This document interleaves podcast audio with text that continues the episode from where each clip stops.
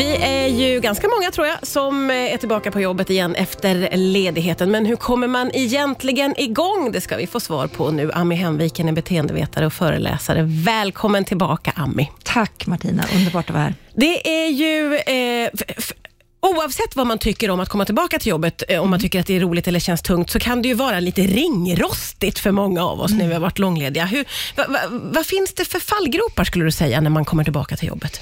Jag tänker på några av de mest uppenbara, de här lite fysiska fallgroparna. Många av oss har ju vänt på dygnet Ja. kanske, både för oss själva och våra eventuella barn där hemma. Eh, och det är ju faktiskt en fallgrop så tillvida att om vi gör den återvändningen lite för fort, så kommer vi eh, ha rätt mycket sömnbrist i början, Just när vi det. börjar jobba. Och vi vet ju att sömnbrist eh, i sig faktiskt eh, är väldigt negativt för vårt mående. Mm. Så att ett bra tips där är väl, om det är för sent nu, till nästa ledighet, försöka att inte vända för mycket på dygnet. Ja, just det. Och har man gjort det nu då så får man ge sig själv lite tid kanske då, Ja. eh, de här första dagarna. Precis. Och, och ge sig lite tid och, och inse att lite av det jag känner, om jag är lite deppig kanske, eh, beror på att jag kanske är trött. Ja, Och många av oss kanske har ätit lite sämre, eller lite mer, eller lite annorlunda i alla fall över jul. Mm. Så att det finns ju, dels finns det de här fysiska sakerna, och vi kanske har rört på oss mindre, andra har rört på sig mer, men så att några delar tror jag är, är mycket så här, komma igång med, med bra sömn, bra regelbunden mat och eh, röra på sig. hitta tillbaka till de här rutinerna helt enkelt. Ja. Det kan, det, så enkelt kan det ju vara faktiskt, att för det släpper man ju väldigt mycket när man är ledig och det är väl hela poängen också Precis. med ledigheten. Eh, men eh, finns det någonting som man kan ta med sig från ledigheten in i jobbet, om du förstår vad jag, vad jag menar? Ja, men absolut. Alltså, förhoppningsvis så, har, så tränar vi på under ledigheten att förstå vad vi mår bra av att göra, vad vi tycker är härligt att göra. Och det kanske är det sociala, eller det kanske är, ja, eller röra på sig, vad det nu kan vara. Men det är klart att de bitarna är ju viktiga att komma ihåg. Vad mår vi bra av att göra? För jag pratar ju ofta om att det inte är tanken som räknas, utan det vi faktiskt gör.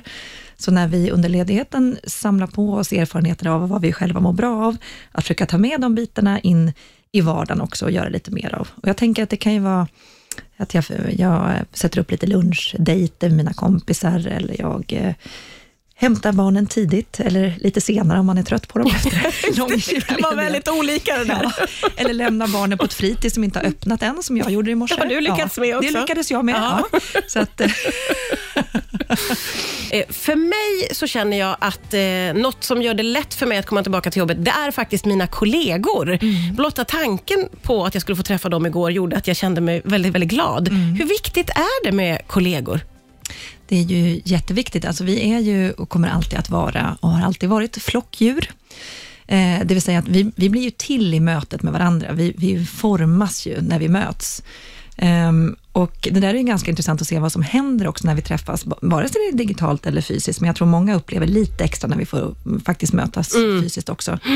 Så att ett tips om man själv vill må lite bättre nu i jobbstarten, är ju faktiskt att lite grann släppa fokuset på sitt eget mående och kanske ha fokus, eller fundera på, hur kan jag göra mina kollegors jobbstart så härlig som möjligt? Och det där är så fin ingång. Ja, och hur kan, hur kan jag bidra till det? Och då, då vet vi att be, bekräftelse behöver alla, beröm behöver alla, eh, känna sig sedd. Apropå att vi är flockdjur. Alltså, Utanförskap och ensamhet, det, det skapar ju enormt stark stress. För att, jag menar, ensam på savannen var ju död på savannen. Medan det motsatta, upplevelse av tillit, psykologisk trygghet, då blir vi svinbra. Ja. Så om man fokar på så här, hur kan jag göra mina kollegor ännu bättre? Vad kan jag hitta hos de som jag gillar? Hur kan jag säga det? Hur kan jag få dem att skratta? Och då är det så fint, för då liksom ger vår egen hjärna oss då en dopaminbelöning när vi gör det här flockfrämjande beteendet. Så när jag säger något snällt till dig så blir jag lite glad av det Ja. också. Och dessutom så startar någonting som kallas för reciprocitet, som betyder viljan att ge tillbaka. Det är också ett flockbeteende, att om jag ger något till dig så vill du ge tillbaka. Om jag bjussar dig på lunch, då säger du direkt så här, då tar jag nästa. Eh, det är få som säger så här, yes, du gick jag plus idag också. Utan de flesta vill ge tillbaka. Det brukar vara de som är inte så populära i flocken annars. Inte ens tänkt på att de finns, men det är klart de, det finns något. De gör ju det. In, inte de mest poppis Backa-tjing! Men du, eh, restriktionerna har ju skärpts eh, och nu så rekommenderas man att jobba hemma i stor utsträckning. Eh, gäller det här även när man eh, jobbar tillsammans digitalt då? Det gör ju det. Eh, många av oss har ju lärt oss ganska bra nu att även socialisera digitalt. Det som kändes jättekonstigt i början, det här med att ta en digital kaffe, känns mer och mer naturligt för folk. Jag vet att många tycker just det här liksom walk and talk-möten med telefon har funkat jättebra och även Teams-möten. Ehm, men jag tror att det är viktigt att upprätthålla de sociala sammanhangen och kanske även, och det har vi pratat om förut, men det här när man har Teamsmöten, så det man kunde tycka förut var så himla effektivt, att vi kom rakt in på agendan och vi liksom, åh, det gick så fort det här mötet.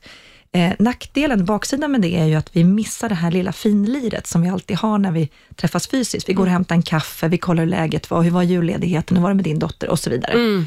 Så att, ska vi fortsätta med det här så tror jag att det är viktigt att, att vi antingen lägger in det i våra mötestider då och då, liksom fem minuters socialsnack, eller att vi loggar på lite tidigare. Det vet jag också många som har börjat göra nu. Ja, just det. Så att Ja. man hinner med det där lilla känna av varandra och, och känna att vi faktiskt är en flock. Ja, för det tror jag att väldigt många har verkligen känt under den här pandemin, att man behöver de där fem minuterna. Ja, så mycket. Ja. Och det gör ju också att det övriga samarbetet blir så mycket mer effektivt Ja. och effektfullt inte minst. Det Ja, vill säga just vi lär oss hur vi kommunicerar med varandra och då går det fortare. Ja. Och då tänker jag också så här, just med mål och delmål, just i jobbstarten när det kan vara lite segt att komma igång, då är det också bra att sätta upp lite, så små, lite kortare delmål. Mm, ja, just det. Okej, men bara jag har klarat det där fram till på onsdag eller på torsdag eftermiddag ska jag ha ringt de där lite tuffare samtalen. Eller så här, små saker så jag får en anledning att kanske fira och belöna mig själv med någon god kaffe eller vad det kan vara. Ja, det där är jättebra. Ja. Eh, finns det några andra små tricks som du vill skicka med folk? Jag tänker att eh, det finns ju de som tycker att det är härligt att vara tillbaka och så finns det de som tycker att det är inte så himla härligt. Eh, Jag tänker att eh, det första är att vi kanske inte ska fatta några långsiktiga beslut precis i början efter en julledighet som det här.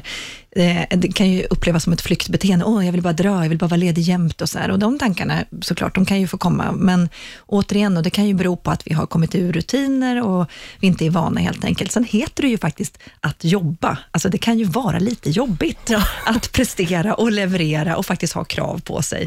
Eh, Vi pratade om att vi har legat liksom i mysbrallan eh, några veckor och det är klart att det är ju inte lika jobbigt. Nej.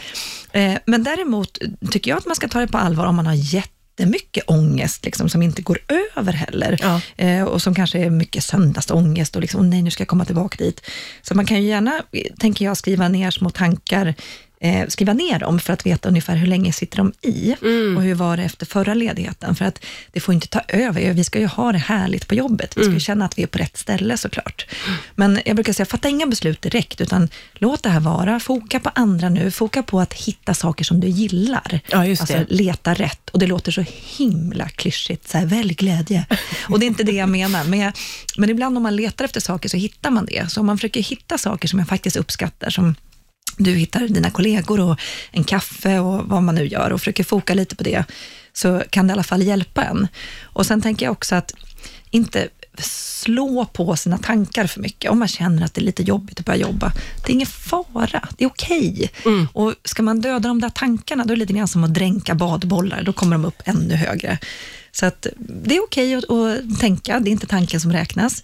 Gör andra saker. Foka på dina flockkompisar och gör dem glada. Och sen, det vi kommer tillbaka till ofta, du och jag, det är ju vikten av att skratta. Ja, just det. Att faktiskt ha kul. Och det kan ju också låta lite så här klichéartat, att du ska ha roligt på jobbet, men eh, jag tänker en, en väg dit är att inte ta sig själv på så stort allvar. Bjussa lite på dig själv, eh, bjussa på lite misstag eller några tokigheter du har gjort. Eh, få inte för att du måste gå omkring och vara allvarlig på Nej. jobbet, bara för att du är seriös. Du ska inte vara oseriös, men många har blandat ihop de två begreppen allvarlig och seriös. Ja, var det. seriös, men var lite levande, var lite så här, Ja. det är inte så Lite bjussig. Lite bjussig, det är ett bra ord tycker Ja. jag. Bjussig. Ja. Som du.